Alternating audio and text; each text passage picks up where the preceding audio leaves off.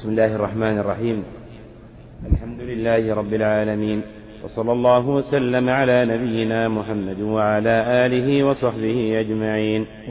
قال الإمام مسلم رحمنا الله وإياه حدثنا يحيى بن يحيى وسعيد بن منصور وأبو بكر بن أبي شيبة وعمر الناقد وعمر الناقد وزهير بن حرب كلهم عن عن ابن عيينة. حاء وحدثنا حسن الحلواني.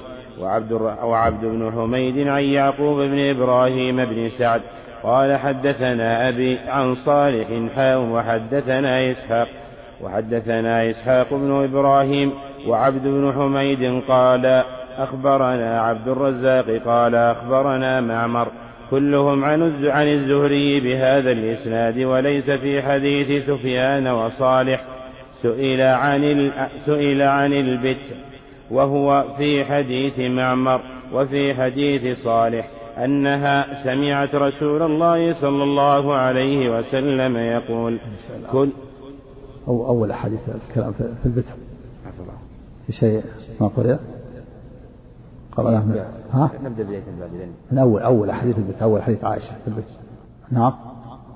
نعم. حدثنا نعم. حدثنا يحيى بن يحيى قال قرأت على مالك عن ابن شهاب عن أبي سلمة عن أبي سلمة بن عبد الرحمن عن عائشة رضي الله عنها قالت سئل رسول الله صلى الله عليه وسلم عن البتر فقال كل شراب أسكر فهو حرام. وحدثني حرملة بن يحيى التجيبي قال أخبر التجيبي. وحدثني حرملة بن يحيى التجيبي. قال أخبرنا ابن وهب قال أخبرني يونس عن ابن شهاب عن أبي سلمة بن عبد الرحمن أنه سمع عائشة تقول سئل رسول الله صلى الله عليه وسلم عن البتر. فقال رسول الله صلى الله عليه وسلم كل شراب أسكر فهو حرام. وحدثنا يحيى بن يحيى وسعيد بن منصور وأبو بكر بن أبي شيبة وعمر الناقد وزهير بن حرب كلهم عن ابن عيينة. حاء وحدثنا حسن الحلواني وعبد بن حميد عن يعقوب عن يعقوب بن إبراهيم بن سعد. قال حدثنا أبي عن صالح. حاء وحدثنا إسحاق بن إبراهيم وعبد بن حميد قال أخبرنا عبد الرزاق قال أخبرنا معمر كلهم عن الزهري بهذا الإسناد وليس في حديث سفيان وصالح سئل عن البتر وهو في حديث معمر وفي حديث صالح أنها سمعت رسول الله صلى الله عليه وسلم يقول كل شراب مسكر حرام. وحدثنا قتيبة بسم الله الرحمن الرحيم. الحمد لله رب العالمين وصلى الله وسلم وبارك على عبد الله ورسوله نبينا محمد وعلى آله وصحبه أجمعين. أما بعد فهذا حديث من جوامع الكلم وهو قوله صلى الله عليه وسلم كل شراب أسكر فهو حرام. والنبي صلى الله عليه وسلم أوتي جوامع الكلم وجوامع الكلم هو أن تكون الألفاظ قليلة والمعاني كثيرة. تكون المعاني غزيرة كثيرة تحت لفظ قليل. والنبي صلى الله عليه وسلم أوتي جوامع الكلم بخواتم كما سيأتي. فقول النبي كل شراب أسكر فهو حرام هذا عام. كل شراب يسكر ويغطي العقل فهو حرام من أي شيء كان. ومن ذلك نبيذ العسل. نبيذ العسل البتح وهو البتح هذا نبيذ العسل. البتح نبيذ العسل وهو شراب يشربه أهل اليمن. فسئل النبي صلى الله عليه وسلم عنه قال كل شراب أسكر فهو حرام. يعني إذا كان يسكر فهو حرام. وفيه الرد على الأحناف القائلين بأن الخمر لا تكون إلا من شراب النبيذ وهو نبيذ العنب. هو عام كل شراب أسكر فهو يسمى خمر. في اللفظ الآخر كل ما أسكر فهو خمر وكل خمر فهو حرام كما سيأتي. كل شراب أسكر فهو خمر وكل خمر حرام. من أي شيء كان سواء كان من نبيذ العسل كالبتع أو من نبيذ الشعير كالمزر أو من نبيذ التمر وهو ما يسمى البريز أو من التفاح أو من أي شيء كان. إذا كان يسكر فهو يسمى خمر. وهو حرام. وإن كان لا يسكر فنبيذ العسل. نبيذ نبيذ العسل كذلك. نبيذ نبيذ الشعير. يشرب. إذا انتبه اليوم الأول والثاني والثالث. فإذا تغير أو صار في مبادئ الإسكار فيجب إراقته كما سيأتي. نعم. وحدثنا قتيبة بن سعيد وإسحاق عن وإسحاق بن إبراهيم واللفظ لقتيبة قال حدثنا وكيع عن, شعبة عن سعيد بن أبي بردة عن أبيه عن أبي موسى قال بعثني رسول الله صلى الله عليه وسلم الله أنا ومعاذ بن جبل رضي الله عنهما إلى اليمن. فقلت يا رسول الله إن شرابا يصنع يصنع بأرضنا يقال له يقال له المزر. يقال له المزر من الشعير وشراب يقال له البتع من العسل. فقال كل مسكر حرام. نعم يعني إذا كان يسكر فهو حرام. إذا نبذ وجلس ثلاثة أيام في شدة الحر فالغالب أنه يتغير ويصير ما بعد السكر. ولهذا كما سيأتي النبي صلى الله عليه وسلم كان يشرب اليوم الأول والثاني والثالث ثم بعد ذلك يتركه نعم.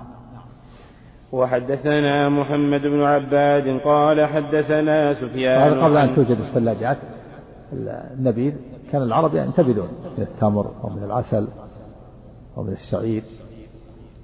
يكون شراب حالي مفيد لكن في شدة الحر بعد ثلاثة أيام يتغير ويقضي الزبد لا ما إذا وجدت الثلاجات إذا وضعت الثلاجات ما يتأثر له لكن في شدة الحر يتغير. في الغالب أنه في اليوم الثالث يتخمر خمر ولهذا كما سيأتي النبي صلى الله عليه وسلم كان يشربه اليوم الأول والثاني والثالث ثم بعد ذلك يصبه أو أو يسقيه الخادم. نعم. وحدثنا محمد بن عباد قال حدثنا سفيان عن عمرو سمعه من سعيد بن أبي بردة عن أبيه عن أبيه عن جده رضي الله عنهما أن النبي صلى الله عليه وسلم بعثه ومعاذا إلى اليمن فقال لهما بشرا ويسرا وعلما ولا تنفرا. وأراه وأراه قال وتطاوعا. قال فلما ولى رجع أبو موسى فقال يا رسول الله إن لهم شرابا من العسل يطبخ حتى يعقد.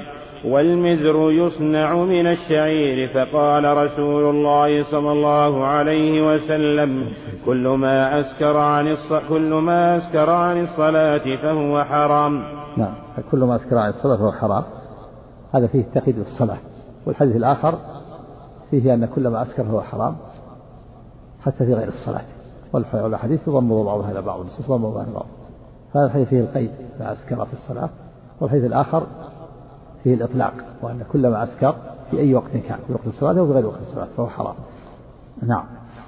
وحدثنا إسحاق بن إبراهيم ومحمد بن أحمد بن أبي خلف واللفظ لابن أبي خلف قال قال حدثنا زكريا بن عدي قال حدثنا عبيد الله وهو ابن عمرو عن عن يزيد بن أبي أنيسة عن سعيد بن أبي بردة قال حدثنا أبو بردة عن أبيه قال بعثني رسول الله صلى الله عليه وسلم ومعاذا إلى اليمن فقال ادعوا الناس وبشرا ولا تنفرا ويسرا ولا تعسرا قال فقلت يا رسول الله أفتنا في شرابين وفيه دليل على أن الداعي ينبغي له أن يمتثل هذه الأوامر أوامر النبي صلى الله عليه وسلم يكون من خلق التبشير والتيسير. وجعل أن الأمراء إذا كانوا في مكان واحد أن يتطاوعا ولا يختلفا. في اللفظ الآخر تطاوعا ولا تختلفا.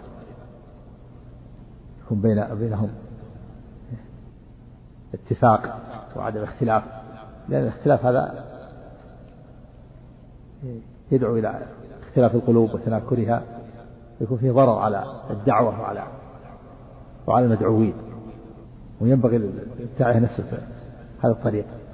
يكون طريق يبشر. ولا يقنط الناس ولا ينفرهم. ويشترهم بالخير ويعدهم بأن هذا الدين منصور وأن العاقبة للمتقين وأن الله مع المؤمنين وأن الله مع المتقين وهكذا. ولهذا قال النبي صلى الله عليه وسلم قال بشرا ولا تنفرا ويسرا ولا تعسرا وتطاوعا ولا تختلفا نعم. بعثني رسول الله صلى الله عليه وسلم ومعاذا إلى اليمن. فقال ادعوا الناس وبشرا ولا تنفرا ويسرا ولا تعسرا. قال فقلت يا رسول الله أفتنا في شرابين كنا نصنعهما باليمن.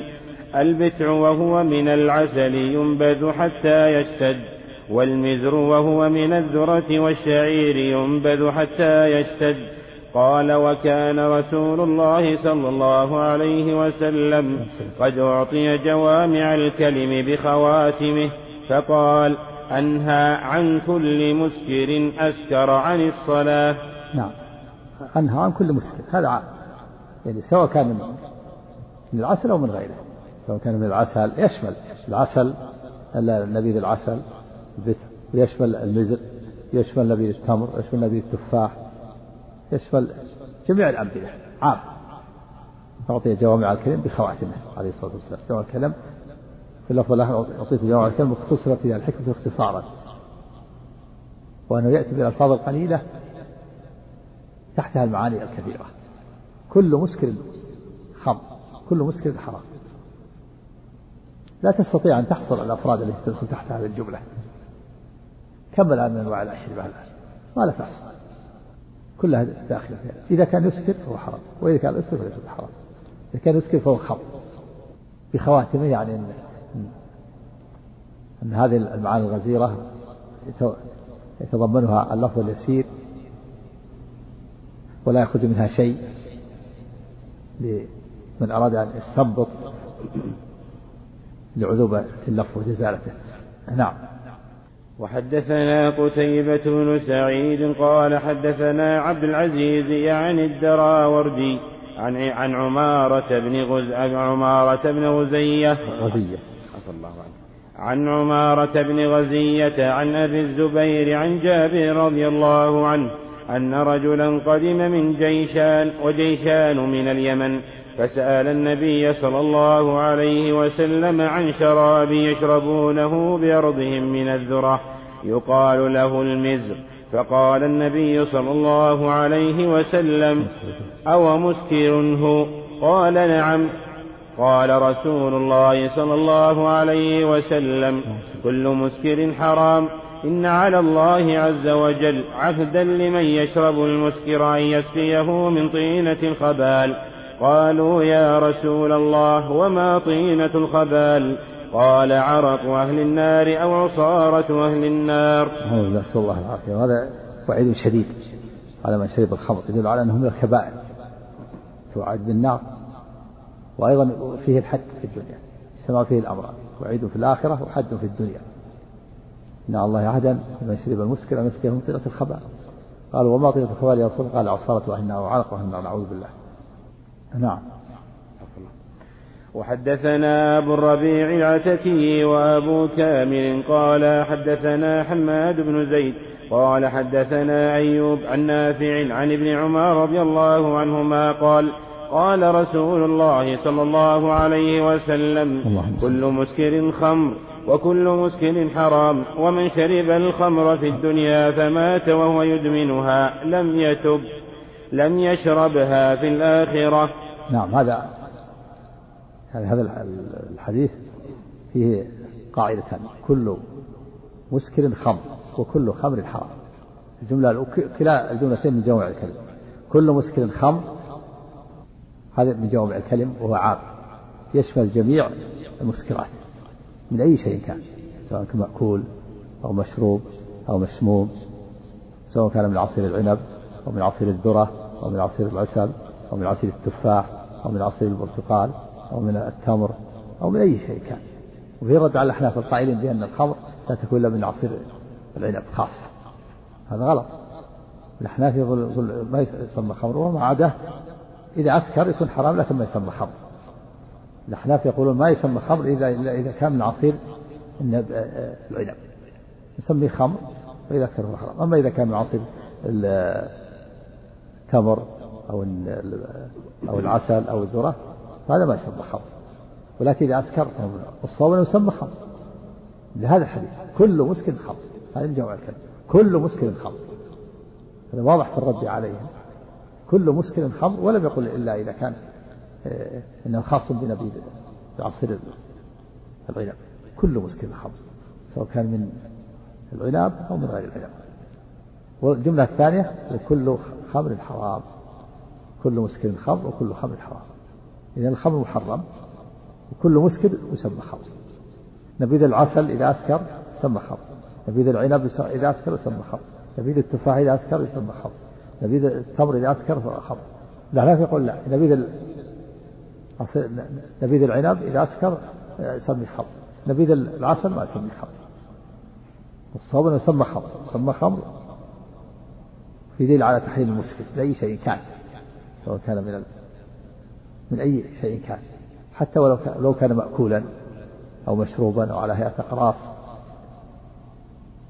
فهو داخل محرم. فيه الوعيد الشديد على من شرب الخمر ومن يشربها في الآخرة قيدها بأنه إذا لم يتب ومن تاب تاب الله عليه. وهذا من باب الوعيد. وإذا دخل الجنة إذا دخل الجنة فإنه له ما تشتهي الأنفس تلذ الأعين. نعم.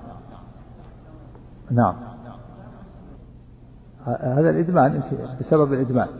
بسبب الإدمان على الشيء مثل القهوة وأشباهها ينظر عدد المواد كان يقول بعض الأشربة فيها مادة تجعل الإنسان يدمن عليها. مثل ما يسمى مثل بيبسي. يقول في مادة تجعل الإنسان يدمن عليها. ولهذا يبغى تركها نعم. فالله عنك يقول لم يدخل لم لم يشربها في الآخرة معناها أنه لا يدخل الجنة. وش قال؟ عليه النووي. كلام النووي ليس بجيد نعم. فاقرأ شوف واحد من غيرك خير نعم. وحدثنا إسحاق بن إبراهيم. عندك كلام النووي نعم. نعم.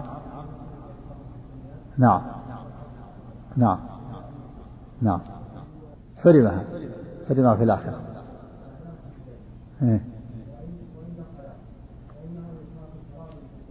ها فإنها؟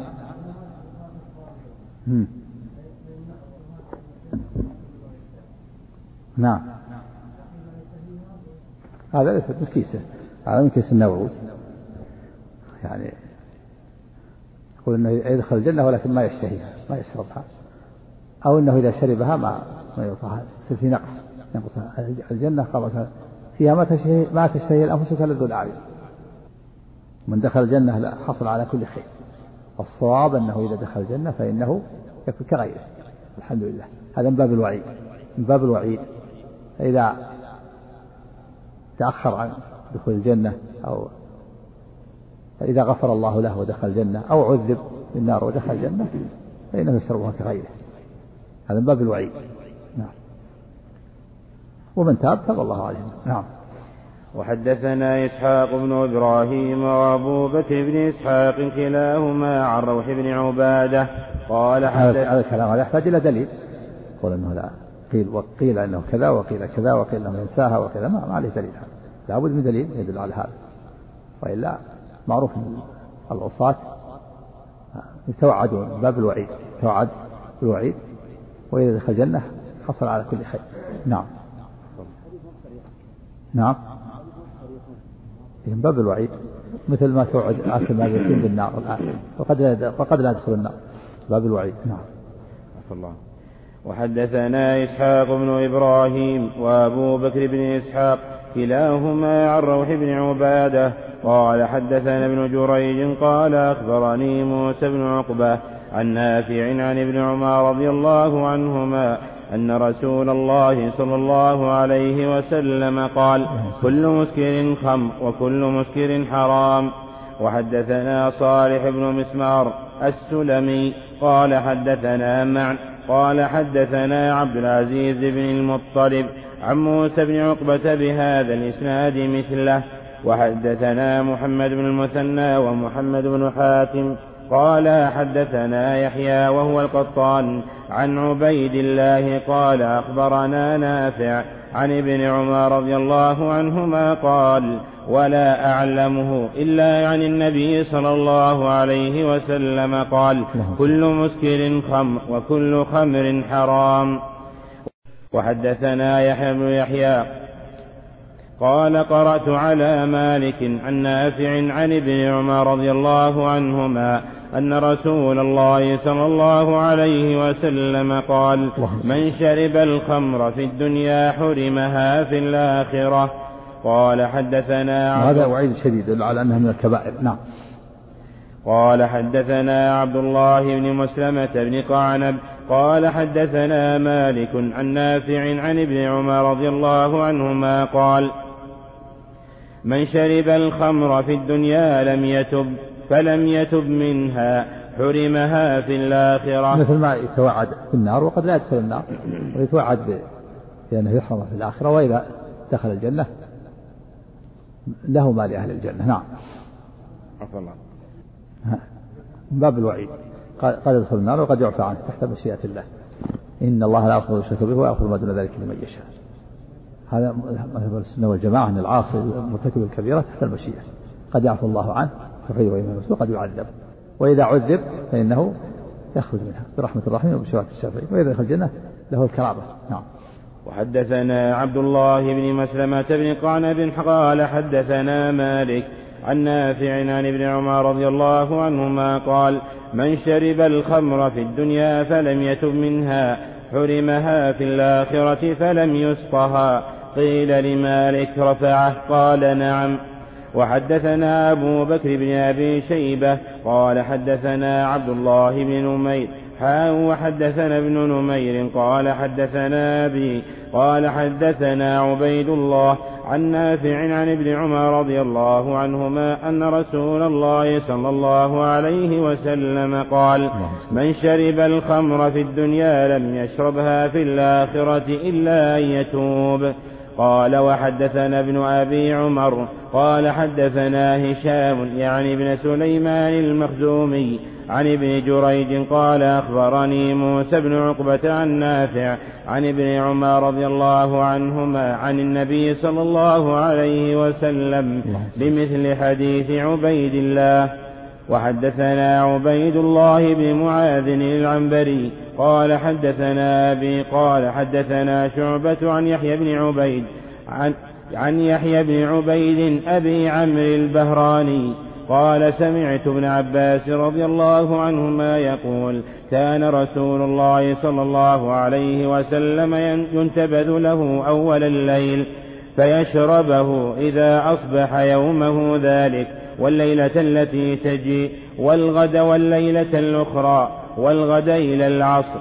فإن بقي شيء سقاه الخادم أو أو أمر به فصب. هذا فيه بيان أنه يشرب ثلاثة أيام. ينتبذ له من أول الليل فيشربه الغد والنهار والليلة التي بعدها واليوم الذي بعده والليلة التي بعدها واليوم الذي بعده. فإذا كان المساء الثالثة نظر فيه فإن حصل فيه شيء مبادئ التغير صبه. وإن لم يظهر فيه شيء سقاه الخادم ولا يشرب تنزها عليه الصلاة والسلام في المساء الثالثة لأن الغالب في المساء الثالثة في شدة الحر قد يتغير. فإن تغير وظهرت في مبادئ الإسكار صبه أحرق وإن لم يظهر شيء سقاه الخادم ولا يشرب تنزها عليه الصلاة والسلام. خشية أن يكون في شيء. نعم. وحدثنا محمد بن بشار قال حدثنا محمد يعني بن جعفر قال حدثنا شعبة عن يحيى البهراني قال ذكروا النبيذ عند ابن عباس الله ذكر النبيذ في واو ألف. ذكروا؟ ذكروا. طيب ذكروا. نعم.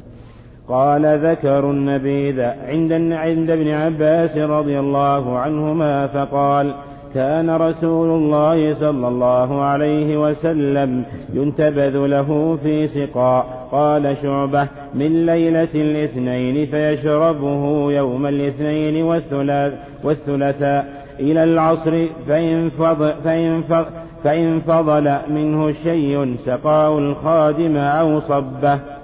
وحدثنا أبو بكر بن أبي شيبة وأبو كريب وإسحاق بن إبراهيم واللفظ لأبي بكر وأبي كريب.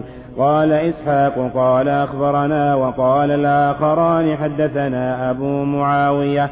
حدثنا أبو معاوية عن الأعمش عن أبي عمر عن ابن عباس رضي الله عنهما قال كان رسول الله صلى الله عليه وسلم ينقع له الزبيب فيشربه اليوم والغد وبعد الغد إلى مساء الثالثة ثم يأمر به فيسقى أو يهراق نعم فيسقى يعني يسقى الخادم إذا لم يظهر فيه شيء تغير ولا مبادئ. وإن ظهر فيه تغير أمر بصبه صبه في الأرض نعم. وحدثنا إسحاق بن إبراهيم وقال أخبرنا جرير عن الأعمش عن يحيى بن أبي عمر عن يحيى بن أبي عمر عن ابن عباس رضي الله عنهما قال كان رسول الله صلى الله عليه وسلم ينبذ له الزبيب في السقاء فيشربه يومه والغد وبعد الغد. فإذا كان مساء الثالثة شربه وسقاه فإن فضل شيء نهراقه نعم. وحدثني السقاء وعاء من الجلد معروف في القربة نعم. يكون ماء حالي يكون عنده يشرب يوم يومين سواء كان أحيانا يكون من التمر يسمى المريس يحط فيه تمر صب الماء على التمر أحيانا يكون زبيب أحيانا يكون من غيره يكون حالي يحتاج شرب يوم يومين. إذا خشي التغير صبه في المساء الثالثة وإن لم يظهر فيما بعد سقاه الخادم ولا يشربه تنزه عليه الصلاة والسلام. نعم. نعم. لا. مسألة هذا يعني بعض الأحيان. مثال هذا مثال. نعم. بس المراد أنه خاص يوم الاثنين في الأيام. ليلة الحج الأخرى ذكر أنه يقول ينفذ من أول الليل ثم ولم يحج يوما يصوم اليوم والغد وبعد الغد إلى آخره. نعم. وحدثني محمد بن أحمد بن أبي خلف قال حدثنا زكريا بن عدي قال أخبرنا عبيد الله عن زيد عن يحيى عن يحيى أبي عمر النخعي قال سأل قوم ابن عباس رضي الله عنهما عن بيع الخمر وشرائها والتجارة فيها فقال أمسلمون أنتم؟ قالوا نعم. قال فإنه لا يصلح بيعها ولا شراؤها ولا التجارة فيها. قال فسألوه عن النبيذ. فقال خرج رسول الله صلى الله عليه وسلم في سفر. ثم رجع وقد نبذ ناس من أصحابه في حناتم.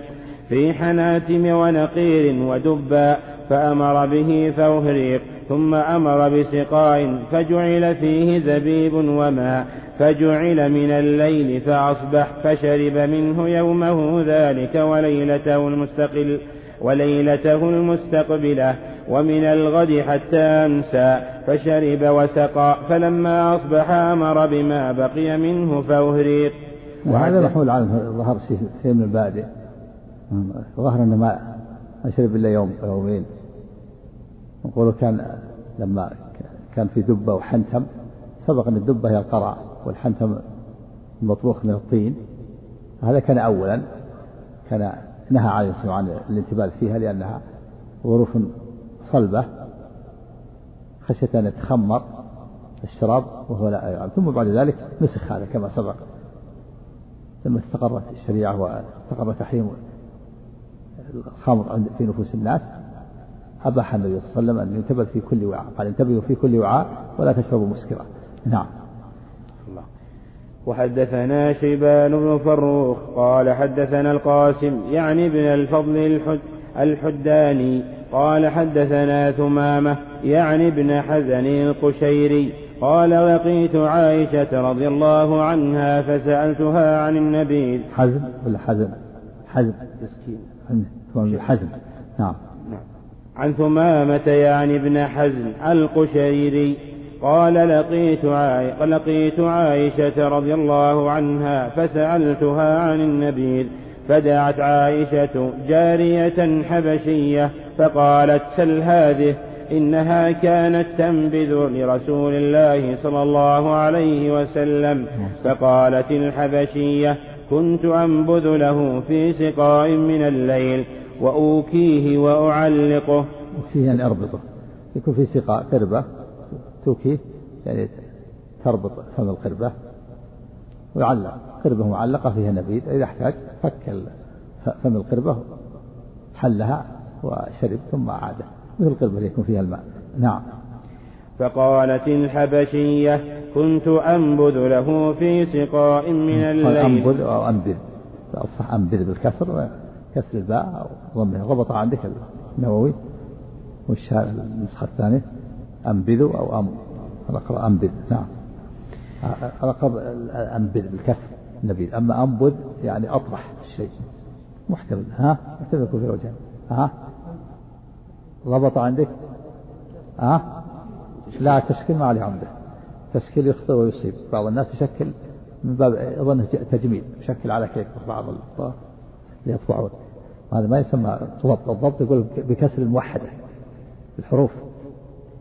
هذا الضبط. تشكيل ما هو ضبط. نعم.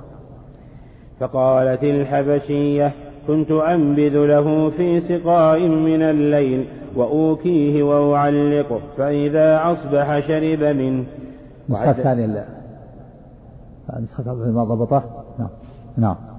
وحدثنا محمد بن المثنى العنزي قال حدثنا عبد الوهاب الثقفي عن يونس عن الحسن عن, عن أمه عن عائشة رضي الله عنها قالت كنا ننبذ راجع إن شاء الله في الدرس القادم في كتاب كتب من القاموس وغيره نعم. نعم. عن الحسن عن أمه عن عائشة رضي الله عنها قالت كنا ننبذ لرسول الله صلى الله عليه وسلم في سقاء يوكى, يوكى أعلاه وله وله عزلاء وله عزلاء ننبذ غد ننبذ غدوة فيشربه عشاء. ننبذ. ننبذه غدوة فيشربه عشاء وننبذه عشاء فيشربه غدوة. نعم. العزلاء يعني ثقب من أسفل يتنفس منه الشراب. يعني الفم يعني يربط نعم. يوكا نعم. وحدثنا قتيبة بن سعيد قال حدثنا عبد العزيز يعني بن أبي حازم عن أبي حازم عن سهل بن سعد قال دعا أبو سيد الساعدي رضي الله عنه رسول الله صلى الله عليه وسلم. دعا رسول الله صلى الله عليه وسلم في عرسه فكانت امرأته يومئذ خادمه خادمهم وهي العروس. قال سهل تدرون ما سقت رسول الله صلى الله عليه وسلم أنقعت له تمرات من الليل في تور فلما أكل سقته إياه. نعم. يعني صبت على ثمرات من الليل صبت على الثمرات ماء صار صار هذا عصير ثمرات في تور إناء إناء من من حجارة أو من نحاس. وهذا يحتمل أن يكون كما قال النووي هذا قبل الحجاب أن كانت تخدمهم مع التح... يعني قبل الحجاب ويحتمل هذا قبل بعد الحجاب مع التحشم محتشمة على هذا موجود في البوادي وفي غيرها قد تأتي المرأة تخدم مع التحجب والحشمة والتحجب الكامل قد يكون عليها عباءة أو جلباب. تخدمهم إذا لم يوجد أحد من يخدمهم ويحتمل كما قال النووي أن هذا قبل قبل الحجاب. وإذا خشي الفتنة فإنه يمنع. ولكن الصحابة النبي صلى الله عليه وسلم الصحابة مأمون الفتنة في هذه الحالة. لكن في هذا الزمن ليست الفتنة مأمونة. نعم. وإذا كان قبل الحجاب ما في إشكال. قبل الحجاب نعم. وحدثنا قتيبة بن سعيد قال حدثنا يعقوب بن عبد الرحمن عن أبي حازم قال سمعت سهلا يقول أتى أبو سيد الساعدي رضي الله عنه رسول الله. ساعدي. أتى أبو سيد الساعدي رسول الله صلى الله عليه وسلم. ساعدي. يقول أتى أبو سيد الساعدي رسول الله صلى الله عليه وسلم. فدعا رسول الله صلى الله عليه وسلم بمثله ولم يقل فلما أكل سقته إياه. وحدثني محمد بن سهل التميمي قال حدثنا قال حدثنا ابن أبي مريم قال أخبرنا محمد يعني يعني أبا غسان قال حدثني أبو حازم عن سهل بن سعد بهذا الحديث وقال في تور من حجارة فلما فرغ رسول الله صلى الله عليه وسلم من الطعام أماثته أماثته فسقته. يعني عركته وحركته وأذابته. يعني تمر في وسط ماء حركت يعني العرك مرس تملس التمر مع الماء حتى يكون عصير كامل. هذا يسمى المريس اللي يسميه العام هذا المريس يعني عصير تمر تمر وصب عليه ماء ويعرك. تمرس ويعرك. عركت ومرست حتى اختلط التمر بالماء صار عصير قوي. نعم. أماتت, أماتت عركته نعم. فلما فرغ رسول الله صلى الله عليه وسلم من الطعام. في الليل وضعت التمر صبت عليه وتركت وقبل الشرب عركت في يدها. ذايب تمر ذايب من الليل عليه الماء. صار عصير كامل. نعم. فلما فرغ رسول الله صلى الله عليه وسلم من الطعام أماتته فسقته تخصه بذلك. نعم في قول تخصه بذلك يدل عنه لا بأس تخصيص الكبير أو الرئيس أو أو الفاضل العالم بشيء إذا كان ما ما يتأثر الحاضرون ويسرهم هذا. الصحابة يسرهم كون تخص النبي بهذا عليه الصلاة والسلام. وإلا في الأصل أنه لا يخص أحد لكن إذا كان هناك كبير أو ضيف أو داعية وعالم كبير وخصهم بين الحاضرين بشيء والحاضرون يسرهم هذا ولا يتأثرون فلا حرج. هذا هذا العصير عصير تمر سمريس.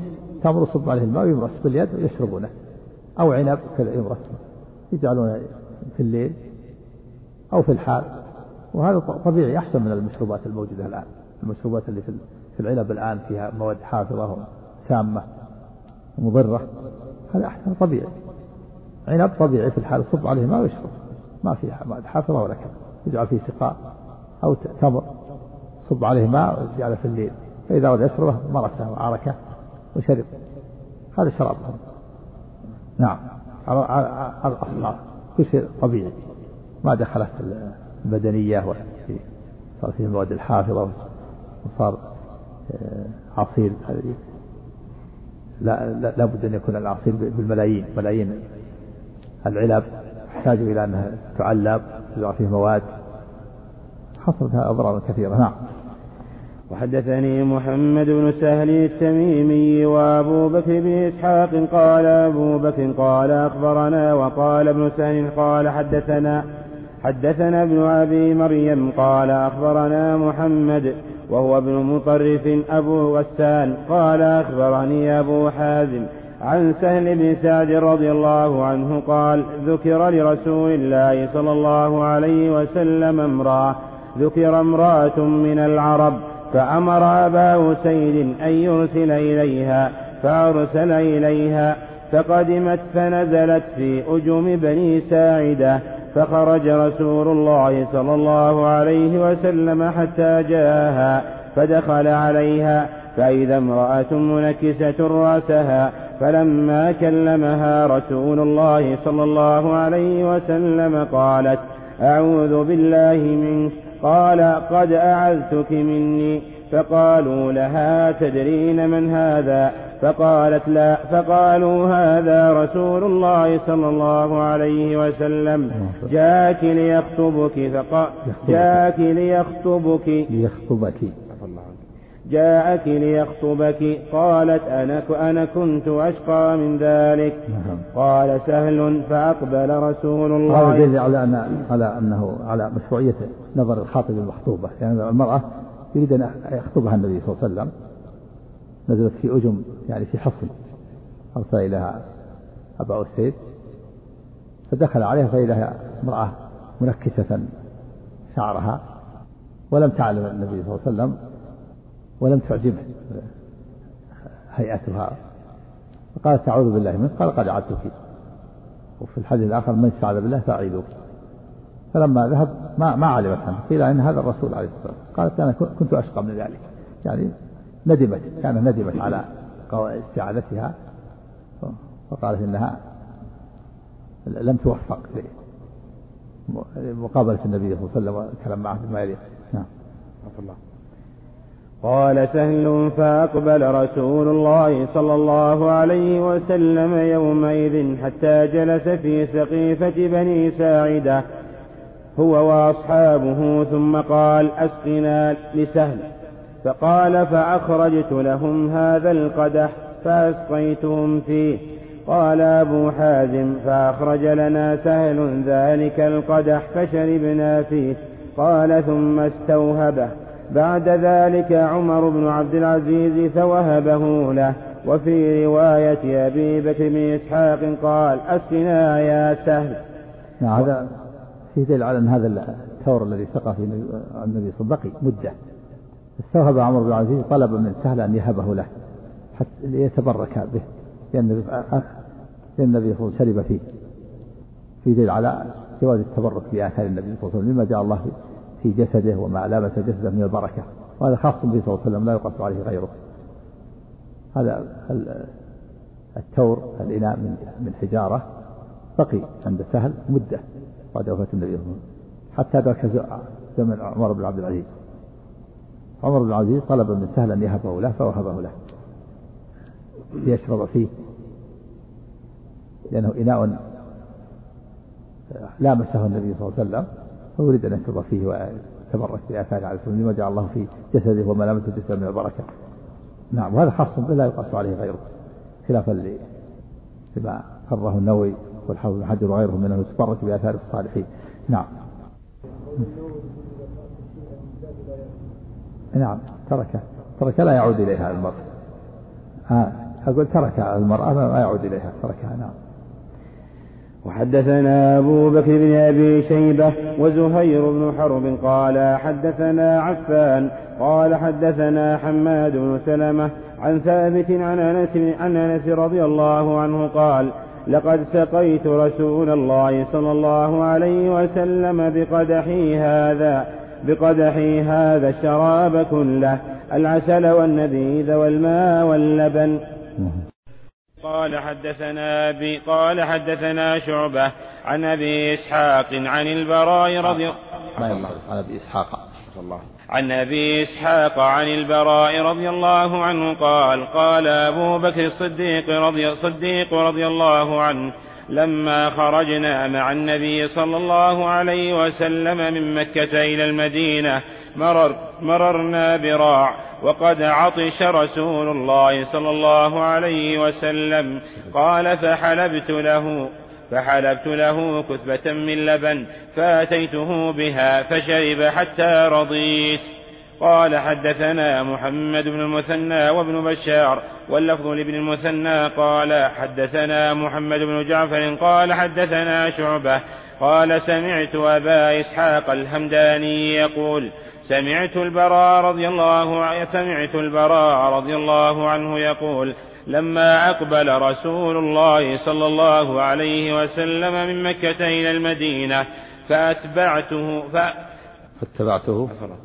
فأتبع فأتبعه سراقة. نعم. فأتبعه سراقة بن مالك بن جعشم رضي الله عنه. قال فدعا عليه رسول الله صلى الله عليه وسلم. فساخت فرسه فقال ادعو الله لي ولا أضرك. قال فدعا الله. قال فعطش رسول الله صلى الله عليه وسلم فمر براعي غنم. قال أبو بكر الصديق فأخذت قدحا فحلبت فيه لرسول الله.